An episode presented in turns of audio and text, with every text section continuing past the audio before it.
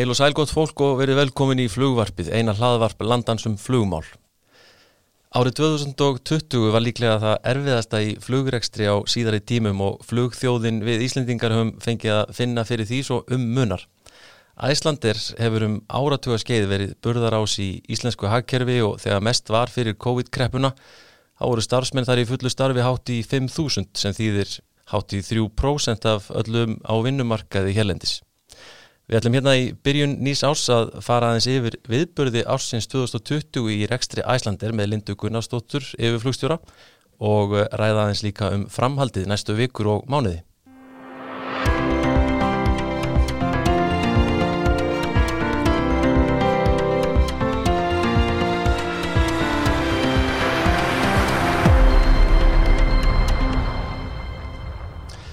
Já, árið 2020 var lang stærsta flugfélagi Íslands afar erfitt eins og fleirum. En uh, þótt flugið hafi dreyist verulega saman þá var nú samt í nógu að snúast í alls konar verkefnum sem kom upp. Og einn þeirra sem hefur staðið í stafni Æslandi er í alls konar verkefnum er Linda Gunnarsdóttir yfirflugstjóri og komið til okkar hérna í flugvarpi, velkomin. Takk hella fyrir og takk fyrir að bjóða mér. Og til hamingi með flottan þátt. Já, takk hella. Er þetta ekki sönnum þess að sé tækifari í, í, ellu? Jú, jú, maður verður að finna sér eitthvað til dundus Algjörlega, algjörlega. Einar dyr uh, lokast og aðrar opnast. Uh, Það var, eins og ég nefndi hérna á hann það var ímislegt sem, sem að gerðist annað en þessi COVID-faraldur á síðast ári og, og svona afleðingar hans. Er, er eitthvað svona eitt sem stendur upp úr að þínum mati svona, ef maður já, horfið, horfið til síðasta árs í rekstri hjá Æslander auðvitað stóð COVID upp úr og, og megnið okkar starfskröftum fór í alls konar mál tengt COVID-inu. Hins vegar e, er magnað hvað er búið að vera mikið að gera með að við hvað er lítið að flugum Já. og það sýnir kannski svolítið hvað þetta er bara flókinrekstur og hvað er margt sem að þarf að gera bara til þess að viðhalda e, hérna, flugrastarleifi og handbókum og, uh mhm. -huh og öllu slíku og auðvitað fylgja svona ástandi líka stórverkefni og flækjustíð hefur verið frekar hátt. En, en við gerðum fullt af öðrum hlutum sem ekki tengjast kófinu og, og, hérna, og það er líka bara ánægilegt að, að hérna, hafa gert það og geta nýtt tíman í umbótaverkefni og, og annað slikt sem við höfum líka verið að hugað Ok. Uh, svoleiðis verkefni getur þú nefnt okkur eitthvað svona dæmi um, um svoleiðis sem að hafa verið að þegar við náðum að vinna þá núna í, í, í slíkum málum? Við erum búin að vera í alls konar tiltæktum bæði á, handbókum uh, þjálfunargögnum okay. uh, þjálfunarprógramum. Um, þetta er náttúrulega, má segja þetta er svolítið einstaktt tækifæri fyrir flugfélag sem að, að gengur 24-7 365 á, á ári að, að hæja svona hjólunum já. þetta býr til e, já, þetta býr klárlega til, til tækifæri sem að annars gefast bara nánast aldrei í, í flugræstri Nei, því það er aldrei sem maður, segi, maður slettir dull moment í þessum bransa Nei, það er bara, bara svolítið þannig Þannig að þér finnst að tíminn hafi verið nýttur vel í, að þessu leitinu Já, Já. við höfum, höfum reynd að gera það okay. en eins og ég segi, það hefur líka náttúrulega farið ofsalega mikil tími og orka mm. bara í að, að hérna stækka og minka og stækka og minka eins og, eins og þetta ár hefur svolítið fært okkur það er li, liðið ár Einmitt. Eh, sko ef við spólum aðeins eh, til upphafs 2020 þá svona, það voru nú alls ekki sko, þessi óveður skí eitthvað neginn sem blöstu endilega við en, en hérna Það voru önnur óveður skí Já, að hérna við vorum að glýma við mikil veður mm. í janúar og februar, þannig byrjaði árið. Mm. og það örði miklu raskanir á, á flugi, bara, bara sögum tíðra óveðra sem gengur við landið. Já, og hérna, en það er nú eitthvað sem að reyndar Uh, við þekkjum ágitlega húst, hér á þessu, þessu land okkar. Já, við föttum samt ekki að óviður skíin var að rannast svona upp Nei. í orðsins fylstu merkingu. Vi, við, við sáum það síðar. Já, svo var það eitt uh, hérna, alvarlegt flugatvik í Keflavík hjá Æslandir í, í upphafi síðasta ás þó að svona einhvern veginn í þegar maður hugsaður um það finnst manni jafnvel ennþá lengra síðan að varð en, en hérna, það var nú þarna samt sem áður þegar að aðal hjólastel undir Boeing 757 gefur sig og, og hún leggst á hliðina í lendingu í Keflavík Já, það er og, rétt og það fór nú betur en á horðist hann Já, já, þetta, þetta fór bara mjög vel já. og um, Æsland er búin að vera með innanúsrannsókn á þessu atviki sem mm -hmm. að laug bara í, í síðustu viku okay. um, RNSA sem er rannsóknar nefnd samgönguslýsa er með sína rannsókn í gangi. Þeir eru búin að byrta svo kallar preliminary report sem er hægt að hérna, lesa og, þeirra, og kynna sér á þeirra heimasíðu. En svona ef ég, ef ég segir bara frá þessu í, í örstutu máli mm. að þá er þetta svo kallar kastalaró sem var sagt, rend vittlus, hún var of stór fyrir hausin sem hún skrúast á og, og heldur gýrnum niðri. Mm -hmm. og það er hérna ró, þessi ró, það sem hún er, er of stóra þá rekkur hún af í lendingu. Og það er pinni sem heldur, heldur hérna rónni, hann sagast af líka. Þannig að þetta var þess valdandi að, að gýring af sig. Þetta er svona, já, við getum kallað þetta svo, svo kallað mechanical failure. Já og það var rauninni ekkert sem að, flugmenn hefði geta gert til þess að afstýra því Nei. sem að gerðist. Hins vegar gerðu þeir það verkum að, að hérna, þetta fór ótrúlega vel. Og ekki nóg með að það sem náttúrulega mestu máli skiptir að allir, allir löpuðu náttúrulega algjörlega heilir frá þessu. Að, að þá voru skemmtir á vélni líka mun minni en, en, en menn byggust við. Okay. og hún verður bara tilbúin til flugs á þessu ári og væri tilbúin til flugs ef það hefði verið þörfa áni fyrr já, en bæði bara sögum sögum hérna ástansis og, og lítillar eftirspurnar í flugi og eins að það hefur bara verið mjög mikið að gera teknisvið en þá hefur þetta verkefni bara setið hans á hakanum. Já. en þetta er að þetta er þessi mechanical failure og þessi místökur eru rakin til hérna e, fyrirtækis í Miami í bandaríkjunum sem við verslum við viðhaldsfyrirtækis okay. og um, FAA og NTSB sem er bandaríska fljóðslýsa rannsóknarnemdin mm -hmm. ásamt RNSA eru að rannsaka af hverju þetta gæti gerst hjá þeim okay. og á meðan á þeirri rannsókn stendur að, hérna, þá náttúrulega erum við ekki að versla við þetta fyrirtæki og, og það sem við gerðum um leið og, og böndin fór að berast að þessari ró að, mm. að þá var farið í að, að skoða aðrar vilar sem að hafðu verið viðhaldi eða gýra sem að hafðu verið viðhaldi hjá þessu sama fyrirtæki og og hérna það fannst ekkert í öðrum vélum. Nei. en þetta er það sem að fljóðslýsar ansvokni ganga alltaf meira minna út á. Það er að komast að orsökunum já, já. til þess að geta komið í veg fyrir að þetta gerist aftur. Eða minka líkunar á því, að mista kosti. Akkurat. Og, og svona, þegar svona aðtök verður svona jafn alveg og þarna þá er heilmikið ferli sem fyrir gang til dæmis einan hús hjá félagin ekki satt? Þegar að Já, ykkur viðbræðs áallinir sem að virkjast eða hvað? Jú, jú, hérna flugfélagum ber að vera með svo kallar emergency, emergency response plan mm -hmm. og Æsland er að sjálfsögðu með e, svoleiðs plan og við æfum það og erum bara reglulega með flugsleisæfingar nokkru sem ári. Mm -hmm. þannig að, að hérna, það sem gerðist þennan dag er að, að hérna aðstæður voru mjög leiðinlegar í keppleik bara viðfarslegar aðstæður, það var bara mjög kvass vindur og, og hérna en e, en það gekk bara mjög vel. Allir viðbrasælar voru hérna fljótur á staðin e, farþegar gengur svo bara frá borði og voru fluttir í, í hérna rútuminn í fljóstafbygginguna, ég fóð nú til kepplegur hitti áhöfna þegar hún kom inn. Mm -hmm. og þau náttúrulega stóðu sig eins og algjörar hetjur. E, farþegarnir töluðu sérstaklega um að hérna hver, hver, hversu vel áhöfnin hefði bröðist við hversu duglegun hefði verið að upplýsa þau. Mm -hmm. Þannig að hérna og síðan er, er þá ákveðin eftirfylgni sem fer að staðbæði áfalla hjálpi bóði fyrir farþegar sem að endar enginn vildi nýta sér í þessu tilfelli Nei. og þeir sem áttu áframhaldandi flug til bandaríkjana þeir vildu allir halda áfram Já. en síðan er opnað svona hotline þannig að farþegar geta haft samband og ef einhverja spurninga vakna og það er reynd að fylgja, fylgja fólki eftir og svo náttúrulega þetta sem ég myndist á að, að hérna, við erum alltaf og það er það sem að bæði e, e, emergency response plan gengur út á sem og, og hérna þessi síþjálfun sem við flugmennum endalust í, við erum alltaf að bú okkur undir því óvænt og við erum alltaf að bú okkur undir það sem að vonandi gerist aldrei. Þannig að það er líka e, það er ákveði valjú í því Já. þegar að svona hluti gerast að, að prófa öll kerfin og sjá hvernig þau virka og, og hvort það er eitthvað sem við viljum lagfara til mhm. framtíðar. Mm. Og það verður ekki tróðleis komið þarna út úr þessu? Þetta Nei, bara virkað sem skildi? Nei, virkaði, þetta virkaði bara ótrúlega vel. Okay. Við vorum, vorum sátt með það eins og ég segi þetta það sem að, að mestu máli skiptir og öllu máli skiptir er að mm -hmm. allir, allir lömpuðu heilir, heilir frá, frá borði. Og þarna eins og nefndir aðan þetta er bara, þetta er bara bilun í búnaði sem að sko þeir sem voru þarna með þessa flugvel þennan dag gátt í rauninni ekkit gert Nei, með. Nei, þeir hefur aldrei getað komið í veg fyrir þetta hefði gerst, þeir hefur aldrei getað komið í veg fyrir að, að, að velin lagðist mm -hmm. á annan móturinn og vangin. Mm -hmm.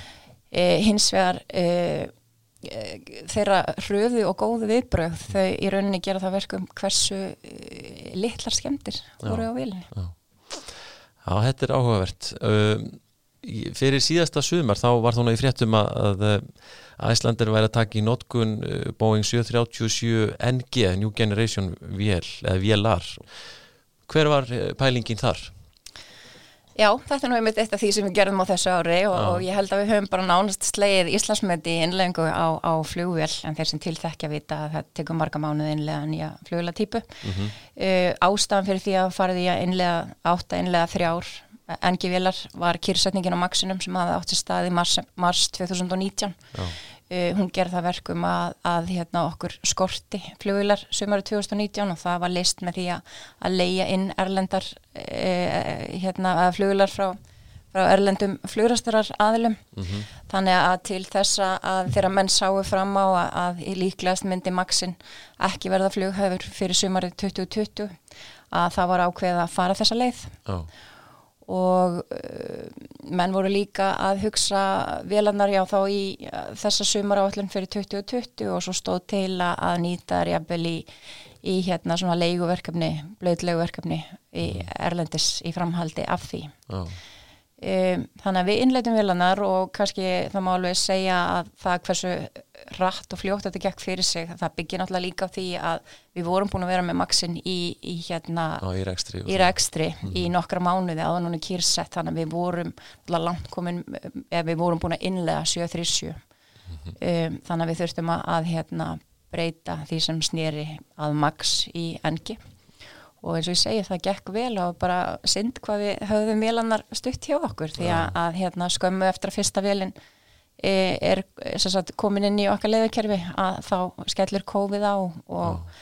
þegar það eru ljóst að, að í, í hvað sumari stefnir að það var hérna bröðist mjög hrætt við og við náðum að skila, skila þessum vélum. Já, þannig að það er bara þetta, þetta, þessi snögga breyting í landslæginu eftirspurnin bara hverfur og þá er þessum vélum bara skilað Já, Já. það er bara þannig. En hérna, einmitt svo byrjar þetta kóf með öllum sínu látum. Það var líka tekið vel eftir því hvað Æsland er fór margar ferðir til Kína eftir hjálpagögnum þar var bröðismenn nokkur hratt við líka breyttu 767 breyþóttu í, í fraktvél eins og hendi væri veifað nánast. Og hvernig kom þetta til?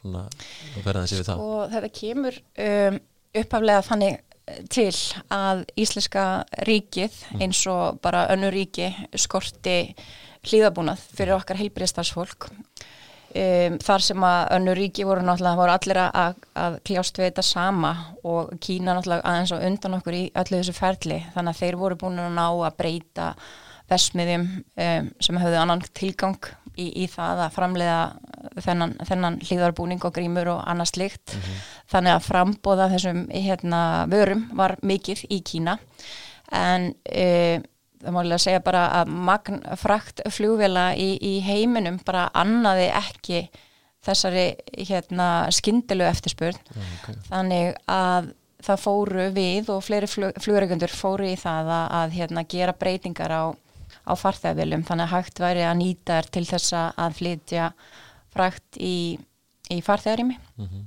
og við gáðum unni þetta ansið hratt og það sem kannski hjálpar okkur þar er að, að Æsland er býr svo vel að vera með deilt innan síns fyrirtæki sem heitir DOA eða Design Organization Approval og það þýðir það að við getum gert breytingar á vélunum okkar sjálf án þess að það þurfa að fara í gegnum fluguleg framleiðendan sem er þá Boeing Já. þannig að, að þetta er bara mjög reynd og vant fólk sem að, að hérna vann bara mjög hratt af þeim breytingum sem þurft að vinna. Eh, það eru stuttabóðleir hérna á Íslandi. Við vorum í góðu sambandi við samgöngustofi sem að sjálfsögðu þurft að leggja blessun á, á allt það sem við vorum að gera. Uh, Evróska flugeftirlitstofnunin í ASA þeir gáðu líka útleið yfirlandi efni þar sem að það voru náttúrulega mjög margir í þessum sömu hugleggingum og við. Uh -huh. uh, þar sem að við vorum svona fljóð inn á markaðin að það var þessi eina til tvær ferðir sem að í upphæfi bara stóð til að fara til Kína fyrir Íslenska ríki, hún var til þess að við löndum bara mjög fínum samning eh, bæði við Dípi Schenker sem er mjög stór alþjóðlegu flutningsaðili mm -hmm. og fleiri aðila E, þannig að, að þetta var til þess að við þróum bara þessa vöru lengra. Fyrst vorum við að flytja sagt, vörunar í sætunum í vilni. Já. Síðan fórum við skrifunum lengra, tókum sætin úr, gáttum þannig að ekki meira magn. Það var líka miklu auðveldar að hlaða og afhlæða vilunar. Við breytum 757-300 vilunum okkar sem er lengri gerðina af 757 á sama hátt í, í fraktvelar og þetta bara endaði með því að við fórum rúmlega 60 ferði til Kína. Já. og við vorum þá að megnum til að flytja hjálpagögn frá Kína til Þískalands og þar var þessum hjálpagögnum svo sipað á bíla út um alla Evrópu mm -hmm. og við fórum líka nokkra ferðir til bæði Bandaríkjan og Kanada með hjálpagögn þannig allt í allt voru þetta yfir 80 ferðir sem við fórum já, já. Og þetta kemur á þeim tíma sem mann alltaf eftirsputna öðru leiti er í algjöru lámarki þannig að þetta kemur á góðun tíma Algjörlega, þetta kom bara á mjög góðum tíma, bæði höfðum við náttúrulega mikið áframbóð af flugvilum, við höfum mhm. líka áframbóð af mannskap af flugmönnum, mm -hmm. Okkar flugmenn bröðust alveg rosalega vel við og stóðu svo ekkit smável í þessu verkefni. Þannig að, að hérna, þetta gekk bara ótrúlega vel og uh, og hérna var bara góð reynsla held ég mhm. fyrir okkur öll. Og uh, þetta var til þess að í dag uh, þessi þessi breyting sem að gera velunum, hún byggði á undanfáð sem að í ASA gaf út sem að gera það verkum að það mátti einungis flytja hjálpagögn í þessum velum. Mm. Nú erum við búin að sagt, búa til STC svo kallað mm. sem að er breyting þá fyrir 67 þannig að við getum gert þetta í framtíðin ef við uppkoma sambarleverkefni mm. með aðrar vörur heldur en bara hjálpagögn. Já, glæsilegt. Þannig að þetta er reynsla sem bara vonandi nýtist okkur í, í framtíða tækifæri. Algjörlega. Og þú nefndir einmitt sko, samstarfið hérna, samgöngustofu í þessu því að þarna, þarna fara menn vantarlega langt fyrir, út fyrir öll svona eðlileg mörg, getum við sagt, í, í, í hérna lengt vinnutíma og öðru slíku kannski. Þa, þannig að þetta þarf einhver sér, sér leifi ekki satt? Jú, er, þetta, þessi flug byggðu í rauninni á tvennskunar undanþáum annars mm. vegar undanþáu frá því að megaflítja frakt í farþegarými. Mm -hmm og hins vegar á uh, reglugjörðum um, um vinnutíma mm -hmm. þannig að, að hérna, við höfum ekki heimild, við gáðum ekki sett fólki okkar í kvild í Kína þar sem að kínverðar tóku ekki, ekki hérna, við útlendingum inn í landi á þessum tíma Nei.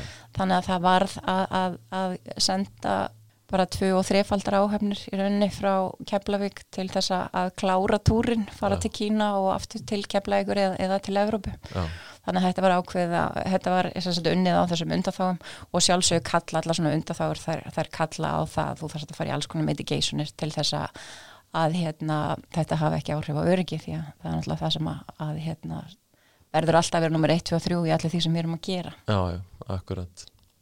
Nú er loftleiðir eitt eh, dóttufyrirtæki Æslanda Group sem er að sérhæfa sér í svona útlegu af flugulum, bæði blöðlegu, þurrlegu er þetta þá svona eitt af þeim verkefni sem að loftleðir kemur að uh, óbeint líka eða? Já, það var bæði, eh, þetta var samstagsverkefni hjá loftleðum og, og mm. Æslandir Cargo uh mhm. -huh. og, og hérna sínir náttúrulega hvað menn þar voru fljódra bregðast við og, og grípa tækifærið mhm. -huh. því að svo gerðist það í rauninni þannig í kjölfarið að markari mettaðist fljóðlega, auðvitað voru nánast öll flugfélagi heiminum í sömu stuð og við með allt og mikið fluglum og allt og mikið mannskap og, og það sem þá gerist er að samkjöfni ykst og verðin lækka og, og það er kannski ekki eins eftir svo að verða að landa, landa þessum verkefnum Nei. en, en eh, loftlegir hafa verið mjög duglegir á þessu ári að hérna, leita verkefna og leita tækifæra fyrir okkur og og sumt höfum við náðu að landa og annað ekki eins og gengur að gerist. Og eitt af því sem þið náðu var hérna var flug til Armeníu ekki satt, eh, einhverju Já. flutningar þaðan Já. og til Bandaríkjana eða hvað? Já, við fórum sagt, nokkur flug millir hérna Los Angeles ha. og Armeníu með hérna Já, við vorum að flytja farþegar inn í báðar áttir, það var farþegar og e, líkistur og, og, og hérna og dýr okay. töluvert af hundum og köttum í þessum flugum líka þannig að við fórum nokkur svona flug þar sem var í rauninni bara verið að flytja bandaríkjumenn til síns heima frá Já. Armeníu og, og, og sömulegis Armena til, eh, til síns heima frá bandaríkjun okay. Já, já, það er ímislegt sem, sem að tilfellur uh, annað líka sem er kannski óvunlegt við síðasta ár er að nú er Æslandir með 2.757 fraktflugvelar í sínum rekstri eru þær ekki búin að vera svona snúast bara sem aldrei fyrr síðustu mánuði? Eða hvað? Jú, það sem að hefur gerst er að, að hérna, frakt markarinn hefur bara breyst tölvöld mikið á undanförnum árum í þá veru að fraktflutningar í farþegi viljum hafa aukist mjög mikið. E, núna þegar það er ekkert farþegaflug í gangi að það náttúrulega er, er þetta leiðin mm -hmm. aðal, aðal leiðin er að flytja frakt með fraktflugulum þannig að þetta eru velarna sem eru búin að snúast allan sólarsingin á, á allt síðast ár nánast Mætti segja mér að Æslandir Kargo hefði hérna, hefði kannski óskað sér að vera jafnvel með fleiri svona velar eða hvað? Alveg öruglega, mann hefur búin að sjá, sjá þetta fyrir, þá hefði það verið eitthvað sem að, að mann hefði klárlega hugað af. Er það eitthvað sem er, er til skoðunar hjá félaginu, veistu til þess? Að? Það er alltaf verið að skoða tækifæri. Já, ákvæmlega. E, svo, sko, svo við tölum aðeins meira um þetta síðasta ár og, og hvernig þetta skellur alltaf á að fullum þunga þessi heimsfaraldur. Það er náttúrulega mikil smittætta í tengslum við flugfarþega og þessum fjöldir að koma saman eins og flugvöllum, allavega svona hana þegar þetta er að byrja sérstaklega hvernig hefur félaginu gengið að verja svona sitt starfsfólk og hérna bara í, í sinni vinnu og voru mikla ráðstafanir sem voru gerðar? Já, við vorum alltaf í þeirri stöðu að eins og kannski mannst að þegar faraldunum var að byrja þá mm. kemur þetta af skýðasvæðanum í Evrópu. Og það fólk sem að flutti veruna til landsins það kom í okkar velum meir og minna. Einmitt. og náttúrulega til að byrja með var enginn búin átt að sjá hvað var í gangi.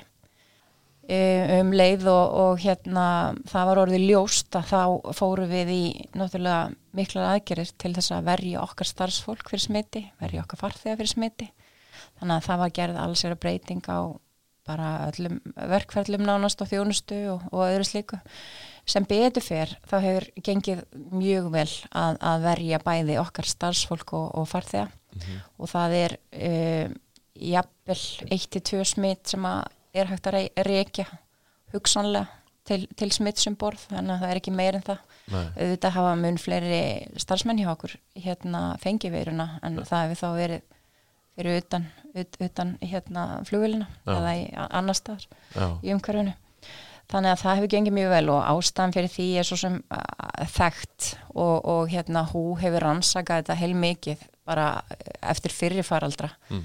að flugvelar eru ekki góður farkostur fyrir veiru Nei. og ástæðan er svo að loftskipti í fljóðil eru mjög ör. Þau eru örari heldur en í skurstofu eða á pari við skurstofu það er þessi svo kallu hepafiltrar sem að, grýpa litla ragnir og reynsa loftið. Það er líka mjög þurrt loftið um borðið fljóðlum mm. þannig að það er bara sínt segja að, að veirur lifa ekki, ekki vel í, í þessu umhverfi. Og það sama gildur um flugvelli en kannski önnur ástæði fyrir því. En, en það hefur verið hægt að reykja mjög fá tilfelli bara heimsvísu bæði umborði flugvelar og til flugvalla. Og það sem menn telja uh, með flugvellina er að það er svo ört gegnum streymi, það er í gegn. Það er svo stuttur kontaktur sem að fólk á hvert vanna, svo stuttur tími. Já, já. þannig að, að það er svona það sem að, að, að menn telja.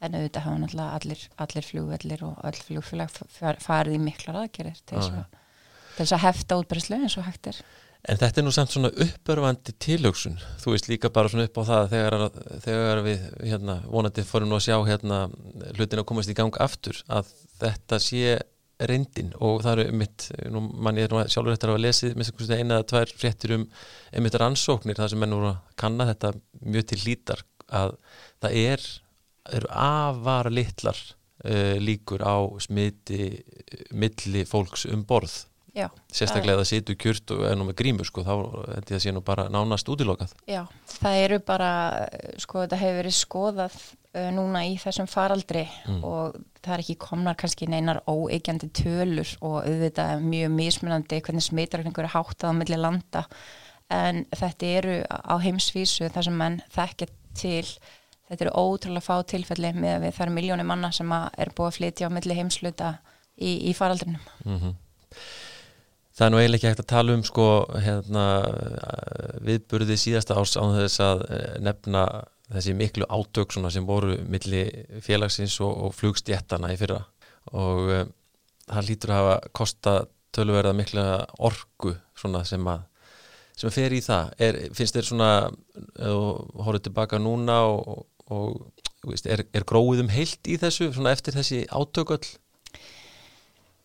Ég held að það sé kannski erfitt að svara því nei, mm. það held ég að, Nei, það held ég ekki. Það, það, það tekur tíma Já, og það tekur bara tíma auðvitað búið að vera miklar uppsagnir í fyrirtækinu. mhm, Uh, bara sem dæmi hjá flugmönnum í mæ 2019, hann er rétt eftir kýrsetningu Maxins, þá eru við með 584 flugmenn í vinnu. Uh, núna frá með áramótum erum við með 70, uh, 71 flugmann. já Þannig að þetta sýnir náttúrulega hversu mikil blóðtaka er búin að eiga sér stað í fyrirtækinu og, og þegar fyrirtæki gengur í gegnum svona hluti, eða Mhm. hvaða fyrirtæki sem er sem gengur í gegnum svona niðurskurð og svona erfilega eins og við erum búin að gera árinu, það tekur tíma að byggja hlutin upp aftur. Já. Og, og eins og þú nefnir uppsagnir af starfsfólki, þetta lítur nú að vera með svona leiðilegri verkum er það ekki sem að stjórnendur standi. Uh, jú, það er bara eitt svar við því. Já, Þetta er bara mjög leðilegt já, og það er nú oft sagt að það sé engin leið góð, það sé engin rétt leið til þess að, segja upp fólki. En auðvitað er hægt að reyna að vanda til verka og við höfum reynd að gera það. Mhm, svo er annar að dæmi um hvernig til hefur tekist. En, en það sem hefur líka verið svo krefjandi sko fyrir utan e, þessa, þessar uppsagnir það er bara upplýsingagjöf. Um, með allar þessar samkomi takmarkanir og þú ert með svona stóra hópa Mhm. þá hefur það bara verið virkilega krefjandi að, að hérna að ná til fólks. Þegar þú ert að færa leiðilega fréttir þá viltu gera það auglít til auglítis en, en það hefur bara verið mjög erfitt að koma því við. Já. En svo líka eins og við erum búin að vera að tala um hér, það er ímislegt í gangi í fyrirtækjunu, það er verið að reyna að vinna í einhverjum verkefnum sem er erfitt að vinna þegar allt er í gangi og slíkt en, og, og þetta er mjög misjamt, heyrum maður, milli deilda innan fyrirtækisins, eins og nefnir flugmenn hafa ekkert haft mikið að gera síðustu mánuði en, en það eru kannski aðrar deildir á fullu. Já. þetta lít- þetta skapar örgulega svolítið veginn innan fyrirtækisins. Algjörlega, það, það gerir það. Því að, hérna, eins og þú segir vinnu álægin á fyrirtækisins hefur verið gríðarlega misján mm -hmm. uh, lítið að gera hjá hérna, flugmönnum og, og flugfreyjum. Það hefur verið gríðarlega mikið að gera í þjónustuverinu sem dæmi. Uh, það hefur verið mjög mikið að gera já, uh, þannig að, að hérna, það er náttúrulega já, það er bara erfitt þegar, þegar, þegar vinnu álægi dreif, dreifist svona ójæmt og lítið sem ekkert hægt við því að gera. Nei. en eins og segir mikið að gera á viðhaldssviði. Það er svolítið merkilegt, sko hvers vegna er svona mikil verkefni hjá, hjá flugvirkjum í tengslum við flugvélarnar uh, á þessum tímum? Það er nú bara þannig að, uh, að það að halda flugvilum uh, lofthæfum Mm. á jörðinni er bara mun meira krefjandi heldur en þegar það er að fljúa þá, þá við um ansi mörg tæki að, að þeim fer best að, að vinna Já. þeim fer ekki vel að standa. Og um, okkar flugumhverfi er náttúrulega mjög reglugera stýrt sem betur fer. Þannig að það þarf að setja velar sem að ekki fljúa í ákveð langa tíma, þarf að setja þér í svo kallar storage program.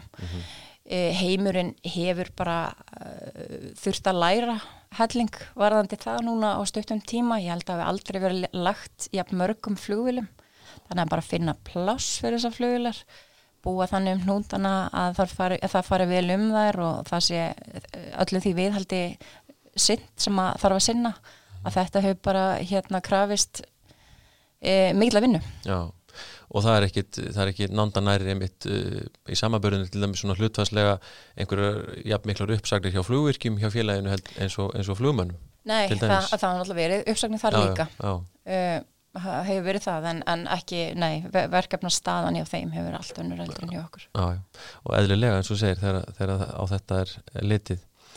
En hérna, og það var svona í tengslum með þetta, það var nú í fréttum í haust að, að nú væri verið að taka 757 vélarnar sem er nú svona uh, hafa nú verið kallaðar þjóðar þóttur Íslendinga uh, verið að taka fyrstu vélarnar til niðurrifs. Og það væri verið í fyrsta sinn verið að gera það hér heima, þetta lítur að vera til dæmis dálítið stórt verkefni. Já, þetta er mjög stort verkefni og mjög atvinnuskapandi líka. Já, Um, það sem er gert er að, að hérna, fyrirtæki nýtir e, þá komponenta í vélunum sem að, að, að hægt er að endur nýta Mhm. og þeir eru sendir í yfirhall og, og notaður áfram. Þá ná að taka að öllum líkindum að taka flugstjórna klefan úr annari og, og senda hann á flugsafnu á Akureyri. Þannig Já, að já. hérna, Íslendinga fá njóta Einmitt. þe- þeirra eftir sem áður. Þannig að hérna, það er ímislegt í þeim sem að, að fær framhaldslíf. Mm og í tengslum við þetta er, er planið að rýfa fleiri en eina vél hér heima Um, síðasta sem ég heyrði var, þá var planið að rífa tvær Já. hér heima. ok en uh, svona vendum þá aðeins okkar hvaðið í krossir talandi aðeins um innanlandsflugið er Æsland Connect, það var ákveðið fyrir nokkur að, uh, á, síðast ári að samþætta rekstur innanlandsflugsins við, við Æslandir hefur þetta breytt miklu svona í, í, í á, þinni vinnu og því, þeim verkefnum sem að þið eru að fást við? Það hefur kannski ekki breytt miklu í, í minni vinnu en, en þetta verkefni er búið að vera í gangi síðan í mæ og, og eitt af þessum verkefnum sem að, að tíminn hefur verið nýttur í að sinna og það eru klálega m- mikil tækifæri í þessu. Er Iceland Connect er, sagt, þetta eru tvö flugurastarleifi, er Iceland Connect er á öðru flugurastarleifi heldur en Iceland er. um, það er hins vegar uh, hellingur sem er hægt að samþætta og kannski bara auðveldast að nefna hluti eins og markasmál og, og hérna sölukerfi og tekistýringu og annað slikt þannig að, að hérna súvinna er öll farin af eða er farin af stað en, en þetta er, er, er langklub Já, og það, þetta er ennþá allavega á tveimur flugurastarleifum Já, og, og, og ekkit er, er, er engin svona komin inn först plön um það að skila öðru leifinunni eða eitthvað slíkt nei, það er ekki, það er ekki búið að taka ákvörnum hvernig, hvernig það verður unnið. Sérðu fyrir þetta verði áfram svona tveir hópar flugmanna til dæmis? Ég held að það geti alveg verið, en það er í höndum annar heldur mín að taka ákvörðunum það, þannig að ég veit að það er bara hópur af góðu fólki sem að er að ræða málinn, hvernig Já. því verður hátta til framtíðar.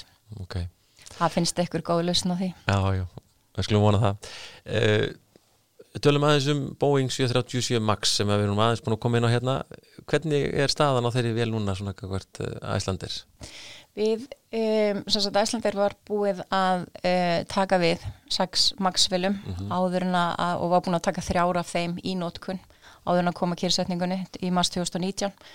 Um, við eh, fluttum fimm af þeim til Spánar haustið uh, 2019 bara til þess að koma þeim í, í betra lofslag og koma þeim úr, úr seltunni og, og hérna og logninu í keflæk. Þannig að þær eru bara búin að baða sig í sólinni núna í eitt og halvt ár hann að niður frá. e, það þrjá, eh, eru þrjár vilar viðbútar tilbúnar til afhendingar hjá Vesmiðunum í Bandaríkjunum. Já, Vélarna fengu flughæfi í Bandaríkjunum núna 18. november uh, síðastlinn. Þannig að þær eru komnar í nótkun hjá nokkrum flugfélögum. E, IASA hefur ekki gefið þeim e, ennþá leifi til þess að fljúa í Evrópu. En samkvæmt nýjastu upplýsingum frá þeim að þá ætti það að koma núna um miðan í janúar. Ok. Og við erum bara búin að vera að vinna um leið og í rauninu og vélinn fekk flughafi í bandaríkjum og við erum búin að fylgjast mjög vel með þessu ferli við erum búin að vera í góðu sambandi við Boeing við erum búin að vera í góðu sambandi við JASA við erum verið í miklu sambandi við aðra flugastra aðila á Max í Evrópu. Þannig að e, í november var strax orðin okkur ljóst e, hvað við þyrftum að uppfara varandi handbækur, þjálfunarprogram annars slikt, þannig að svo vinna er í rauninni búin að vera í gangi alveg síðan þá. Þannig að þegar að, að hérna vélinn fær flughæfi að þá erum við bara tilbúin að, að, fara og sækja þær til spánar og koma með þær heim og, og, og koma þeim í það viðhald sem þær þurfa að fara í. Já. áður en þær farin í okkar leiðakerfi sem að, að bara vonandi verður í, í, í mars-april og, og verður þannig ef, að, ef að eftirspurnin verður búin að taka svo á þeim tíma sem við sjálfsög bara vonum og reiknum með. Já, heldur þetta verði, er þetta umfangsmikil þjálfun sem að uh, þarf að fara í sko bæði það náttúrulega endur þjálfa einhvað mannskap en, en svo líka þessar kröfur sem er um þá aukna þjálfun út af svona í tengslum við þessa breyttu verkferðla og annað í, Já. eftir kyrsetninguna Já, það, já, við munum þurfa, við erum einmitt hérna flugham, við búum svo vel að við eigum okkar eigin Max flughermi sem er staðsettur hér í Hafnafyrði og hann er einmitt að fá úttækt frá IASA núna á, á morgun og hinn. Og þannig um leið og vélinn og hann flughæf þá er hann í rauninni hæfur til þess að framkvæma í honum þessa Max þjálfun.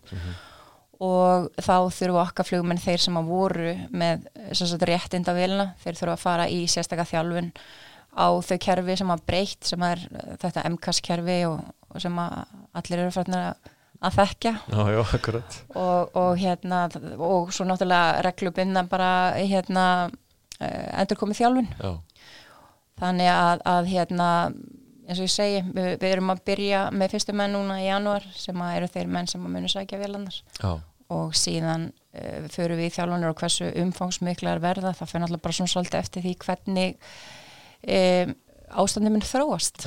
Hva, hvernig sjáum við fyrir okkur sumarið? En, en það að búa til nýjan flugmann og maks, það tekur um það byrj tvo mánuði. Já, með bóklegu uppröfjun og, og síðan í flughermi. Já, já, nákvæmlega þannig að þetta er bara, þetta er, þetta er mjög ítarlegt að fara í gegnum já. Eh, svona tæbreytingu. Þetta er eins og segir, það er samt mikil óvisa einhvern veginn í þessu öllu núna þegar við erum að tala um þetta og, og, og ekkit bara hér heima, heldur á mörkun og líka úti er þið stjórnendur hjá félaginu með svona svo vitna sér nú í daldi tískort með margar sviðsmyndir? Svona í gangi fyrir sömarinn og sér maður að félagið er að auglýsa mjög mikið og svona íta undir væntingur um að, að, að hérna að sumarið geti vorið þokkalegt. Við ætlum að koma svo stað, já. það er bara þannig. Að kveikja ljósin sem fyrst eins og við vonandi séð í, í hérna nýjast auðlýsingunni frá okkur. Já, en e, já, já, það er mikið að sviðismyndum í gangi og það okay. er búið að teikna upp alls konar uh, sínarjó mismunandi mm. eftir því hver, hvernig menn uh, telja að uh, ástandum muni bara þróast. Um, síðan verður það náttúrulega bara svolítið að koma í ljós hvenar er orðið tímabært að hrinda þessum þjálfunum og þeim undirbúningi sem við þurfum að fara í til þess að, mm -hmm. að koma velunum aftur í rekstur mm -hmm. Þa, það bara byggir náttúrulega á því hvernig, hvernig menn telja eftirspurninni þróast og, mm -hmm. en ég get sagt það með, með fullri vissu að við verum tilbúin að markaðurinn er tilbúin og það voru eins og við þekkjum og Íslandingar flestir held ég sem að eitthvað hafa fylst með með að við áallanir félagsins sem voru kynntar í hlutafjárútbóði haust og var náttúrulega uh, tókst mjög vel þá, þá, er, þá var í þeim plönum ákveðin bjart síni um vöxt á, á þessu ári og næsta þannig að vonandi getur það gengið eftir. Já, já, það er sant náttúrulega það sem að, að kemur fram þar er bara bróta bróta af, af því frambóði sem við vorum með bara til dæmis sömari 2019 Já, þannig að, að hérna bara þessi greiningar aðeinar markaði hérna hér, hér á landi menn er að tala um að það takja okkur 35 ár mm. að komast aftur á þann stað sem við vorum á fyrir COVID mm -hmm. en þetta er ekki fyrsta krísan sem við göngum í gegnum á þessari öld Nei. við erum búin að gangi í gegnum á nokkrar og undan þessari og það sem að hefur einkjent í raunni er krísu sem við höfum farið í gegnum er að uppgangurinn hefur mun hraðari heldur en mann gerðu gerði þessar væntingar um og, mm ef við horfum bara á, á hrunið mm -hmm. að, að hvernig farþegartölur voru orðnar þrjum, fjórum árum eftir hrunið var eitthvað sem að engin greining, greiningaræðali var búin að spá fyrir Nei, einmitt. einmitt, við skulum vona að þetta fari nú að landið fara að rýsa aftur sem fyrst að, hérna, og að flugi komist að stað aftur þetta hangir saman eins og þú segir Já, já, og, og eins og ég segi það eru alls konar sviðsmyndir í gangi það sem er bara svo mikil óvisa með núna er mm. tímalína Já hvenar tekur eftirspunum með sér, hvenar er við tilbúin að fara aftur að ferðast, Já. fara flug. Auðvitað um að þessum Reykjavíku flugvöld og hlutverk hans uh, og þá í tengslu við það, það hefur verið rætt mikið um mögulega nýjan flugvöld í kvassarhönni. Uh, hefur Æslandir eh, haft mikla aðkoma því að, að, að skoða mögulegt flugvallastæði þar? Um, Forsaga málsins er kannski svo að það er náttúrulega staðið stýr um Reykjavíkuflugall í, í langan tíma mm -hmm. og staðurindin er svo að það er náttúrulega búið að þrengja ansið mikið af flugallunum um, það er samkvæmt þeim áallunum og, og þeim því samkomiðlægi sem Ríki og Borg hafa gert sín á milli að það á að loka östu-vestu-brutinni núna bara á, á næstu árum mm -hmm. og þá er þessi möllur orðin mjög takmarkaður og það er alveg ljóst að það eru lítil tækifæri og það er bara lítil plás það er bara búið að þrengja það mikið af vellinum að uh, tækifærið runnu okkur greipum að, að Reykjavík verði góð samgöngu miðstöð hvort sem er fyrir innanlandsflug eða sem var að vellur fyrir millilandaflug eins, eins og við erum að nýta mm -hmm. þannig að uh, Þorgir Pálsson fyrirandi hérna flugmálastjóri, hann var nú fengin hérna fyrir nokkrum árum til að vinna skýslu fyrir samgönguröðunetið og í, henni kom fram að hann taldi algjörlega nöðsulegt að vera með tvo alveg þjóða flugvelli á söðvesturhóndinu og ekki síst bara út frá almannaverðnum mm -hmm. eh, hann fór í að skoða eh, hva, hvaða kosti kemdi greina og í kjölfarið á því eru skipaður, heldur að búið að skipa að minnstakostu tvo vinnuhópa sem að hafa skoði, skoða þessa kosti fyrst var það svo jú, jú. og hennar niðurstað var að, að Kvassarhraun væri besti kosturinn af þeim kostum sem er í bóði og staðrindin ennum bara svo að það er ekki mikið af hendu landsvæði fyrir flugöll Nei. í, í kringum borgina. E, síðan var skipið þá önnunemt til þess að skoða þetta betur.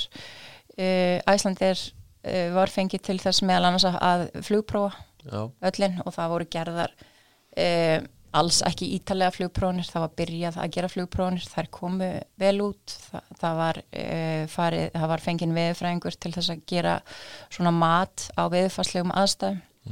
Hans mat var það að, að hérna, þe- þessi staðsetning væri svona kannski mitt á milli Reykjavíkur og Keflavíkur veðurfarslega séð.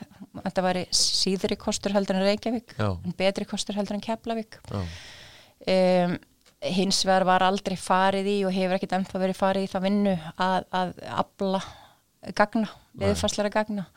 Þannig að, að ég veit ekki til þess að sé í sjálfu sér neinn vinna í gangi varðandi þetta mál sem að er hálfgeir synda því að eins og ég segi, eins, eins mikið og, og við vildum hafa Reykjavík flugul áfram og, og hjarta í Vasmýrinni og, og við að hafa fólk að, að við berum sterkar tilfinningar til Reykjavíkur mhm, þá er, það er bara búið spil. Við verðum að fara að horfa fram á við og, og það tekur 5-10 ár að byggja nýjan flugvöll þannig að þetta er, þetta er mál sem má ekki deyja í umræðinni hvort sem það verður í kvassarhraunni eða einhver starf annar starf En er það þín skoðun að segjum að menn myndu nú komast að þeirri niðurstöðu svona næstu mánuðum og missurum að heyrðu, það er það er bara væn, vænlegu kostur að, að búa til nýja flugvöll í Kassarhraunni að það er því þá innanlands flugvöllur og varaflugvöllur fyrir millilandaflugið eins og Reykjavík hefur svolítið verið eða er þetta bara annar millilandaflugvöllur Já, það, svo, svo vinna sem að var í gangi hjá ráðunetinu, hún gekk út á það að þessi,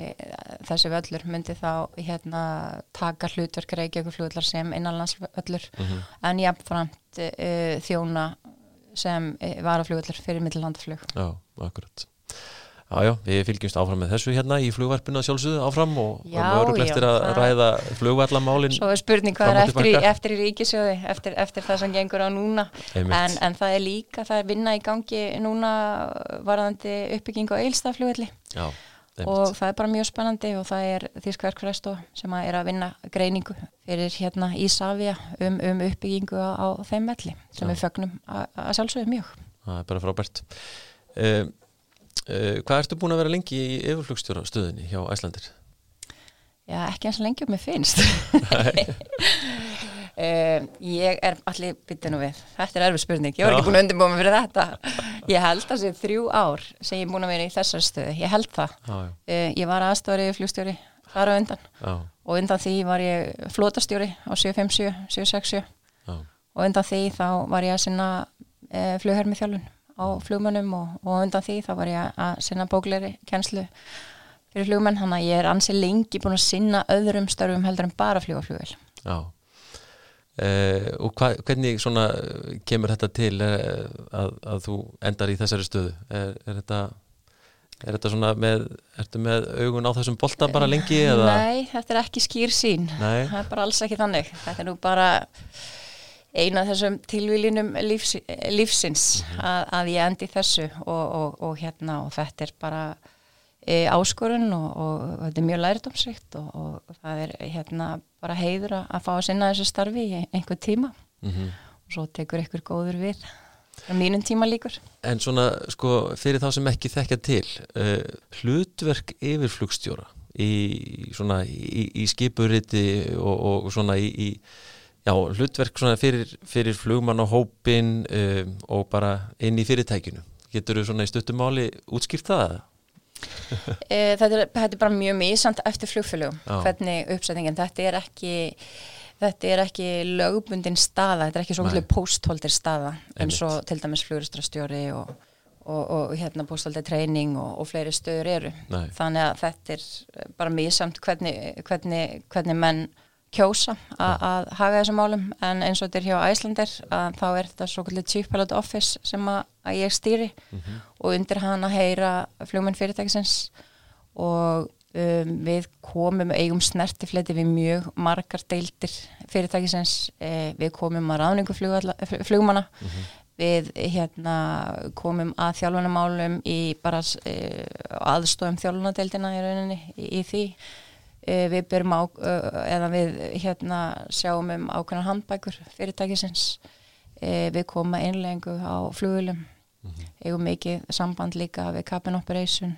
Mm -hmm. við þess að dóadeild sem ég nefndi aðan viðhaldsdeildir og, og bara og ótaldeildir fyrirtækisins. Já, þannig að þetta eru margi snertifletir bæði já, innan fyrirtækis og svo náttúrulega út á við eins og við stopnarnir og... Já, já, þetta já. er svona sambland þetta eru mannusmál, þetta eru hérna þjálfumál mm -hmm. þetta eru uh, tæknimál handbókamál sem eru, eru á okkar borði En hérna, nú veit ég að, að pappiðinn Gunnar Þorvaldsson, hann er nú vel þekktur í, í flugbransanum, smitaði hann þig af áhuga fyrir svona flugmarstarfinu?